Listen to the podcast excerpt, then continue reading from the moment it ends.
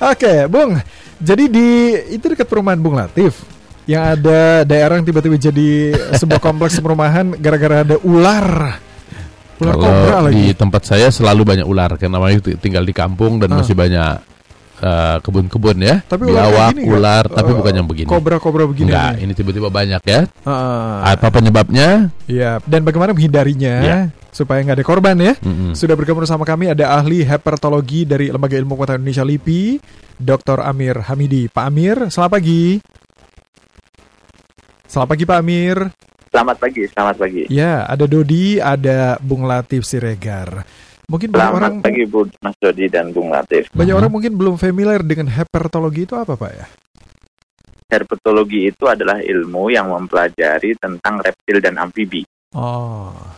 Nah, ular itu kan di dalam bagian dari reptil ya, Mm-mm. Ah. Nah, masuk di dalam herpetologi tersebut. Hmm. Kalau seperti di Depok tiba-tiba muncul eh, seperti kobra. ini kobra, apa ini fenomena biasa atau apa? Apa karena rumah mereka di tempat jadi rumah ya mereka balik ke kampung sebetulnya?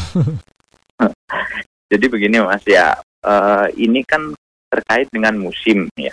Di awal musim penghujan itu, yang namanya ular kobra dan beberapa jenis ular lainnya itu adalah musim eh, menetas. Ya. Mhm. si menetas. Nah, ketika menetas, ya otomatis uh, anakannya kan tersebar ke mana-mana. Karena ular itu modelnya ketika dia bertelur, telurnya ditinggalkan. Tidak dirami sama induknya, hanya beberapa jenis ular tertentu saja yang seperti itu. Nah, kemudian ketika menetas ya otomatis ular anakan ular ini tersebar ke mana-mana. Hmm. Nah ini yang kemungkinan yang terjadi di Tayam itu adalah eh, telurnya diletakkan atau sarangnya juga di sekitar perumahan gitu ya, sehingga begitu menetas ularnya ke mana-mana masuk ke perumahan dan lain sebagainya. Hmm. Oh, ada ada mus- Hmm. ada musimnya juga itu eh, ular betelor itu.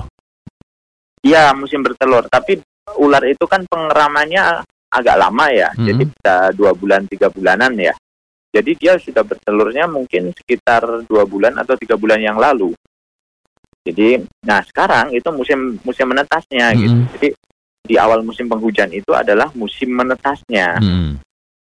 Sehingga eh, diharapkan memang pada konteksnya eh, biologinya si ular, ketika anak-anaknya tadi menetas, di mana di awal musim penghujan itu ketersediaan pakan juga semakin lebih banyak, sehingga diharapkan secara biologi ular-ular kecil itu anakannya itu bisa survive dengan ketersediaan pakan pada awal musim penghujan ini. Hmm. Hmm. Kemarin warga di sana lagi nyari-nyari saat di tayangan TV eh, mau nyari induknya. Eh, kalau tadi Pak Amir bilang jadi dia bertelur situ dan induknya udah langsung pergi aja Pak, nggak ada di Ya, tempat situ. betul, betul, betul. Jadi induk, jadi itu sudah eh, telur itu sudah diletakkan mungkin dua bulan atau tiga bulan yang lalu dan induknya sudah pergi gitu. Oh. Jadi tidak tidak ditungguin gitu, nggak kayak seperti ayam, tidak seperti angsa gitu ya. Ular Mhm. itu dia begitu bertelur kemudian ditinggal sama induknya. Ada tempat-tempat tertentu yang menjadi apa namanya tempat yang paling pas untuk ular meninggalkan telurnya. Oh, ada mas. Jadi ular itu memilih tipikal niche ya kalau kita bilang itu tipikal habitat spesifik untuk meletakkan telurnya, yaitu adalah tempat-tempat yang gelap, lembab, Hmm. ya, gelap, lembab, kemudian eh, tidak terkena sinar matahari langsung ya. Kemudian eh, suhunya hangat gitu ya. Jadi Hmm. kalau kayak di bawah seresah, lubang-lubang, Hmm. itu adalah memang tempat-tempat perfect ya untuk meletakkan si telur-telur ular. Kalau kita lihat memang suhu dan kelembapan eh, peneluran ular gitu kita bisa bayangkan yang lebih mudah ya kayak kamar mandi Hmm. yang tertutup ada airnya kan Hmm. lembab ya Iya. lembab dan anget nah Uh-uh. seperti itu Oh. Seperti itu adalah eh, apa namanya tempat yang disukai ular untuk meletakkan telurnya Hmm. Jadi bukan cuma di luar dalam eh bukan cuma di dalam rumah, di luar juga kalau ada tempat Oh, iya. kemungkinan besar Iya. ya. ya misalnya kita punya eh, di sekitar pekarangan kita ada lubang-lubang Ah, gitu ya atau ah. mungkin antara rumah itu kan di bawah pondasi kan ada tembok antara pondasi tanah dan tembok itu kan ada kayak lubang ya batas-batasnya nah seperti itu kadang-kadang dia adalah tempat-tempat yang bagus ya untuk untuk meletakkan telur ulang atau dia bekas lubang-lubang tikus dia juga dipakai untuk meletakkan telur-telur seperti itu Hmm. Jadi bukan berarti kemudian seperti di Depok itu perumahan itu dulunya banyak ular sehingga kemudian mereka muncul kembali saat ini nggak nggak seperti itu ininya pak.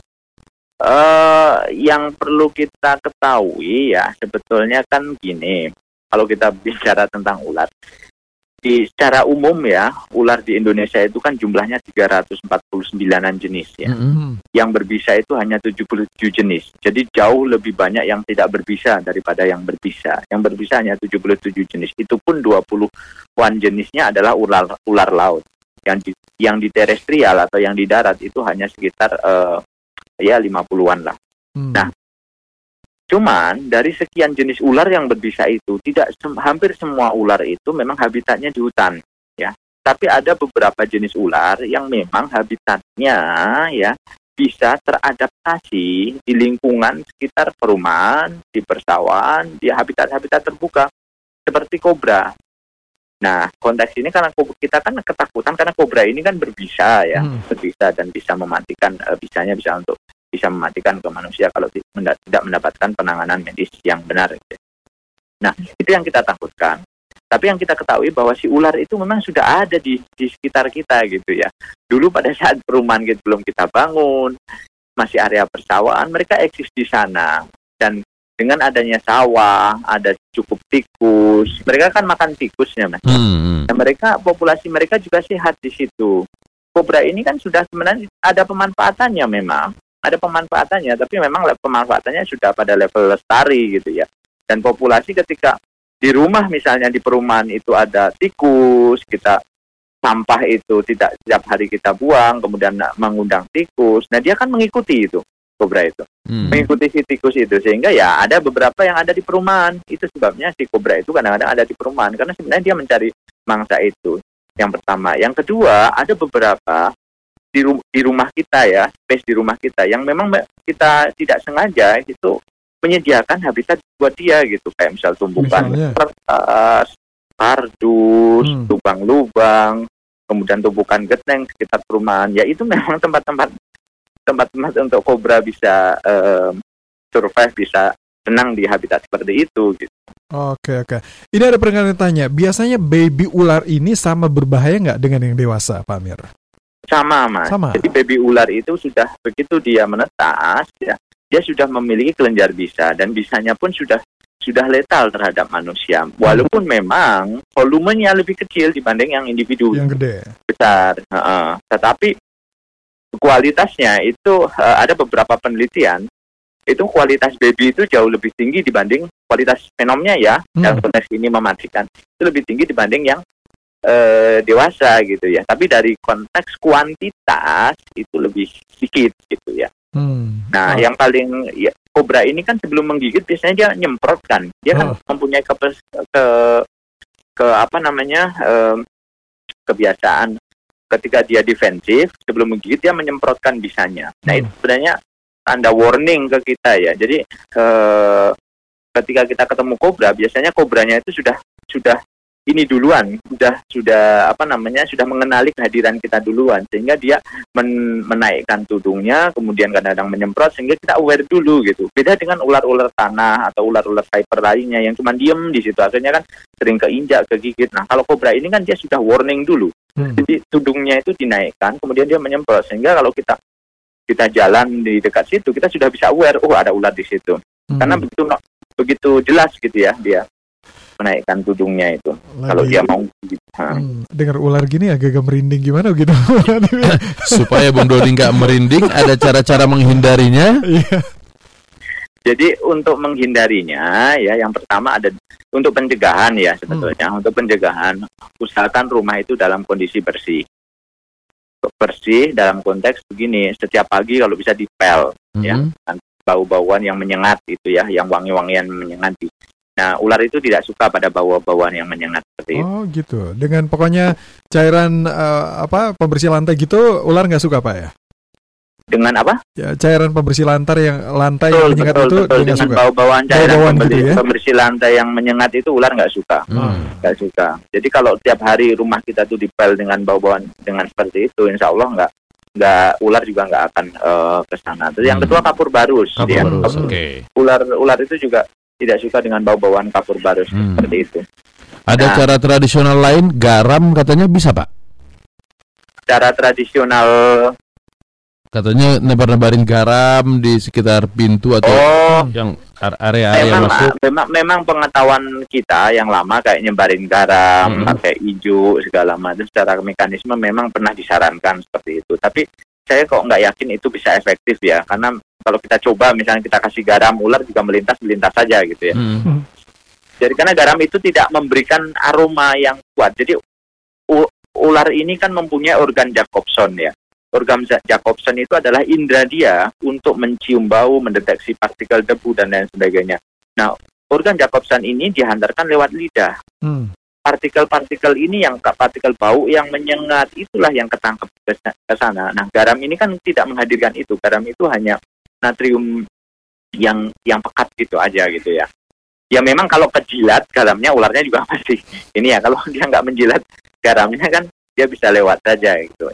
Iya, iya. iya. Nah, tapi kalau bau-bauan ketangkep sama dia gitu. Jadi kayak bau minyak tanah, bau bensin, Ah. bau itu pasti dia akan menghindar itu. Itu yang lebih mudah dihindari ya. Kalau garam, kalau Ya. kejilat baru dia bahaya. jilat, harus dirasa. Berarti Iya. di dekat garamnya kita taruh jambu muda, mangga muda, supaya dia gigit mangganya dia butuh garam, jadi dia jilat gitu pak ya. Ngerujak tuh namanya. Kalau kemudian tergigit, apa istilahnya? Kalau ular tersengat apa tergigit? dipatok. Nah, Terpatok. Ah. Apa langkah cepat yang bisa dilakukan, Pak Amir? Nah, jadi begini, Mas. Karena ini ular berbisa, penanganannya juga harus khusus ya.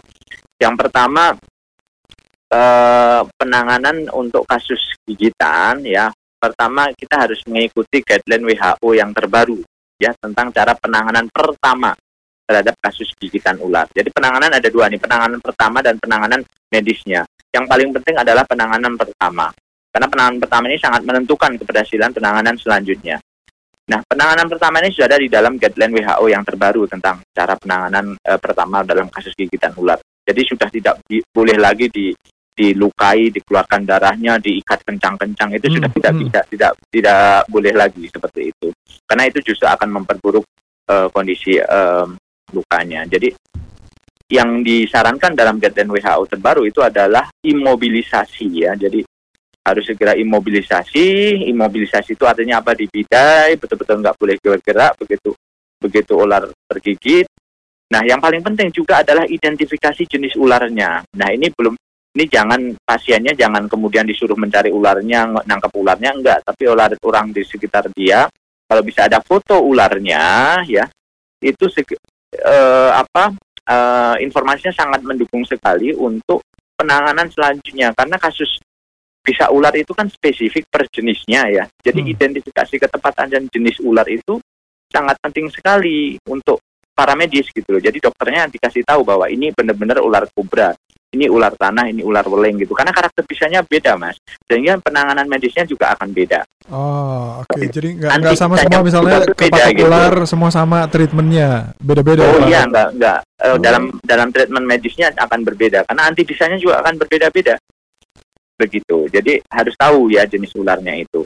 Oke. Sekarang kan ada foto, ada HP, ada segala macam WhatsApp online, ada Facebook, semua untuk membantu identifikasi informasi itu tersedia di situ. Oke. Nah, yang kedua Mhm. adalah penanganan ke medis.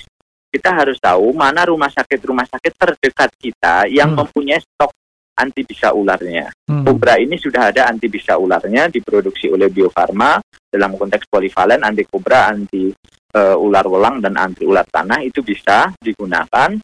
Nah, kita tahu mana rumah sakit yang di sekitar kita itu yang menstok stok anti bisa ular itu sehingga ketika ada kejadian ya sudah penanganannya pertama tepat, Hmm. informasinya jelas, ularnya jenis A, rumah sakitnya juga tepat, ada anti bisanya sehingga bisa eh, tertolong dengan cepat. Karena ini hitungannya juga kita harus harus ini ya cepat ya Cepat. kan, Hmm. eh, posisi ular seperti itu. Iya, iya. Semua rumah sakit bisa Apakah menangani. punya itu? Hah? Eh semua rumah sakit belum tentu bisa, Mas. Jadi Mm-mm. saya, saya pikir memang harus ada beberapa rumah sakit, apalagi para medisnya juga yang sudah pernah di training untuk itu, ya memang em, apa namanya eh, ada memang guideline-nya gitu ya. Tapi Hmm. tidak semua dokter, tidak semua para medis itu pernah eh, menghandle seperti itu. Jadi yang sampai eh, apa namanya tidak tepat lah penanganannya. Nah biasanya rumah sakit rumah sakit daerah ya Mm-mm. yang mempunyai stok beberapa rumah sakit daerah itu mempunyai stok anti bisa ularnya. Mm. Kalau misalnya memang tidak ada di rumah sakit itu, bisa kok minta apalagi di masih di lokasi di Jawa ya Mm-mm. bisa kontak ke distributornya atau kontak ke rumah sakitnya untuk minta rujukan di mana rumah sakit yang punya anti bisa ularnya. Hmm, Ya, ya. Oke, Eh, Pak Amir, ini ada eh, pendengar kita analis komunikasi politik Dr. Gun-Gun Herianto yang suka menyendiri. Dia bilang kalau lagi sendirian kita dipatok ular untuk menolong diri sendiri itu yang bisa Yang- dilakukan apa? Ah, Tidak ada, belum mungkin mau ke dokter agak jauh apa segala macam. Pertolongan pertama oleh diri sendiri seperti apa? Oke, yang pertama kalau itu kejadian terhadap diri kita, ya yang pertama kita harus tenang ya. Mm-mm. Kita harus tenang, yang tenang. Ked- Kedua kita harus tahu bahwa semakin kita banyak mobile ya, semakin kita banyak mobile, lari, kemudian eh, apa namanya eh, panik segala macam, aliran bisa itu semakin cepat menyebar ke tubuh kita. Mm-mm. Yang perlu Sema- kita- kalau semakin mobile, semakin kita mobile oke. ya, semakin kita mobile. Jadi Ah. bagian bagian eh, namanya yang terkena gigit ular usahakan segera diimobilisasi. Kalau di tangan nanti dibidai bisa kita masukkan eh, posisinya di dalam tubuh kita. Ini harus nggak bergerak, nggak boleh bergerak, nggak boleh bergerak. Nah eh, itu itu yang yang pertama ya. Kita tapi kita harus tahu betul ya ular yang kegigit itu benar-benar ular berbisa atau bukan ya. Mm-mm. Karena kan kita punya apa namanya 340-an jenis ular gitu ya yang berbisa atau bukan. Jangan sampai kita shock dulu ketika kita digigit ular yang nggak berbisa gitu iya. ya. Shocknya malah karena kegigit karena Ki- takut. Kita yang awam kan takut, nggak tahu mana yang berbisa mana yang enggak, Pak Amir. Nah, sebenarnya untuk jenis-jenis ular yang berbisa di sekitar kita itu sudah banyak informasinya ya kayak Hmm. dan sering lah kayak kobra itu jelas sekali ya. Kobra weleng, welang itu yang belang-belang itu juga jelas sekali itu juga ada di sekitar kita. Jadi kita tahu eh, toh informasi itu juga banyak sekarang di media sosial, di Mm, informasi di internet juga bisa kita cari. Oke. Nah, begitu dia ular berbisa secepat mungkin Mm-mm. harus segera ke ke tempat medis Mm. dan dengan kondisi eh, apa tadi eh, penanganan pertama yaitu Di bebat itu ya? mobilisasi tadi. Dimobilisasi, oke. Mm-mm. Hmm. Jadi hanya itu ya, tidak ada uh, obat seperti tadi menyedot tidak dianjurkan lagi karena su- sudah ternyata tidak terbukti baik untuk uh, membantu penyebaran bisa ya. Iya, iya, iya. Iya, jadi kayak ditoreh apa namanya Hmm. eh, begitu digigit kemudian di Ditore, disedot, Hmm. eh, paksa disedot, keluarin. keluarkan darahnya, ditarik kuat itu sudah secara secara guideline WHO sudah tidak direkomendasikan lagi ya. Oke, penanganan penanganan seperti itu. Ini ada Pak Jerry, berapa lama sih Pak waktu digigit ular sampai ke titik yang kritis? Nah, ini berbeda-beda Mas ya. Eh, maksudnya banyak sekali faktor yang kita bisa melihat. Pertama adalah pada saat ukuran ularnya besar atau kecil. Posisi pada saat dia menggigit artinya ini menentukan berapa banyaknya bisa yang masuk ke tubuh kita. Hmm. Ya. Kemudian juga bisa jadi kejadian dry bite. Dry bite itu adalah menggigit tapi bisanya nggak masuk ke tubuh kita. Itu nggak apa-apa kita. Kan Oh. Kita kan nggak tahu kapan itu dry bite, kapan enggak. Hmm. itu. Nah, waktu yang dibutuhkan itu itu eh, tergantung pada posisi. Kalau ularnya besar ya dan dia maksimal memasukkan bisa ke tubuh kita itu akan cepat sekali. Hmm. Saya punya pernah kasus eh, teman saya yang kebetulan benar-benar teman eh, satu profesi gitu ya. Itu juga eh, 10 menit, 15 menit eh, reaksi itu sudah kelihatan 5 menit itu. Oh. Jadi pada saat itu juga langsung saya bawa ke rumah sakit. Karena posisinya seperti itu, Mas. Eh, apa eh, eh, ularnya benar-benar ini ularnya lagi gemuk, kemudian lagi ya, jadi benar-benar vis- fenomen kobranya ini benar-benar lagi full-fullnya gitu ya. Hmm. Menggigit ya itu reaksinya lim- 10 menit lah dia langsung kelihatan merah semua eh, apa wajahnya kemudian Hmm. bawa ke rumah sakit. Jadi hitungannya memang menit kita nih. Oke. Nah, Kalau kobra ini, Hmm. ya kobra ini akan berbeda, agak berbeda dengan weling atau welang yang neurotoksin. Kobra ini kan eh, bisanya juga agak campuran ya. Nah, weling sama welang itu jauh lebih atau king cobra itu jauh lebih eh, cepat karena eh, dia menyerang saraf pernafasan. Jadi shutdown saraf pernafasan. Nah, ini hitungannya juga menit itu harus segera tiap menit itu harus segera tetap diobservasi. Kasus yang di BSD kemarin satpam yang tergigit meninggal itu itu pelik ya. Heeh. itu juga karena neurotoksin Mm-mm. kuat Hmm. ya jadi shutdown saraf pernapasan sehingga tergigit jam setengah enam jam sebelas kalau nggak salah sudah sudah pass out kemudian Hmm. meninggal setengah empat ya Hmm. itu karena karena telat penanganannya. Nah kalau telat penanganannya itu, jadi begitu kegigit ya masih santai-santai, masih itu nggak segera ke medis. Ya ini yang yang sering uh, kita missnya di situ. Bisa gitu. fatal ya. Ya, ya. Ya. Oke. Oke. Pak, Pak Amir, kita kan nggak semua kenal ular berbisa atau Ah. enggak. Ada penanda tertentu nggak kalau habis dipatok ular, oh ini gejalanya pasti berbisa nih. Hmm. Misalnya jadi pegel atau jadi merah-merah tadi itu. Eh sebenarnya di- begitu digigit itu kan yang kelihatan adalah yang paling jelas itu adalah bekas ya, Mm-mm. bekas taringnya ya. Mm-mm. bekas taringnya yang ada di situ bisa merah bisa keluar darah gitu ya Mhm. bekas kalau yang masuk itu perfect dua fang yang karena gigi bisa itu kan ada dua ya. Gi- kalau dua-duanya bisa keluar dan perfect menggigit kita itu akan bekas ada bekas dua titik gitu ya yang jelas Oke. kemudian ada gigi-gigi yang lain gitu yang di yang bentuknya seperti mulut ular itu nah kalau itu ada berarti itu ya memang terus terus apa mengeluarkan darah ya Hmm. kita aspek ya tapi kalau kita, kita sudah bisa lihat betul-betul itu ular itu ya ya itu jelas gitu ya tapi kalau nggak kelihatan ya itu bekasnya memang ada di situ jadi bekas gigi taring itu apa Hmm. gigitan di gigi taring dua lubang gitu ya kalau dia dua-duanya masuk dua-duanya Hmm. Jadi kayak needles lah kayak apa namanya kayak jarum suntik itu loh mas Iya, jadi dua lobang itu pasti berbisa itu Iya. Pak, Pak Amir ya. Oke. Baiklah, Pak Amir, terima kasih untuk wawasan baru kami mengenai ular ya. bukan cuma bukan cuma wawasan loh Pak Ah. Amir. Ba- ada teman saya tadi dokter Ah. Gun-Gun itu bilang, "Loh, ternyata ular itu ada ahlinya." Iya, Dia iya, baru iya. tahu. Oke. Jadi Pak Amir harus menyebarluaskan Informasi, semacam Informasi ini ya. semacam Pak. Amir, terima kasih waktunya bersama kami, Pak. Selamat pagi. Selamat terima pagi. kasih banyak Itu Pak Amir. Hamidi, ahli herpetologi dari LIPI, Lembaga Ilmu Pengetahuan Indonesia. Ada banyak yang bertanya nanti segmen berikutnya kita bahas ya. apa tadi? Hyper Herpetologi.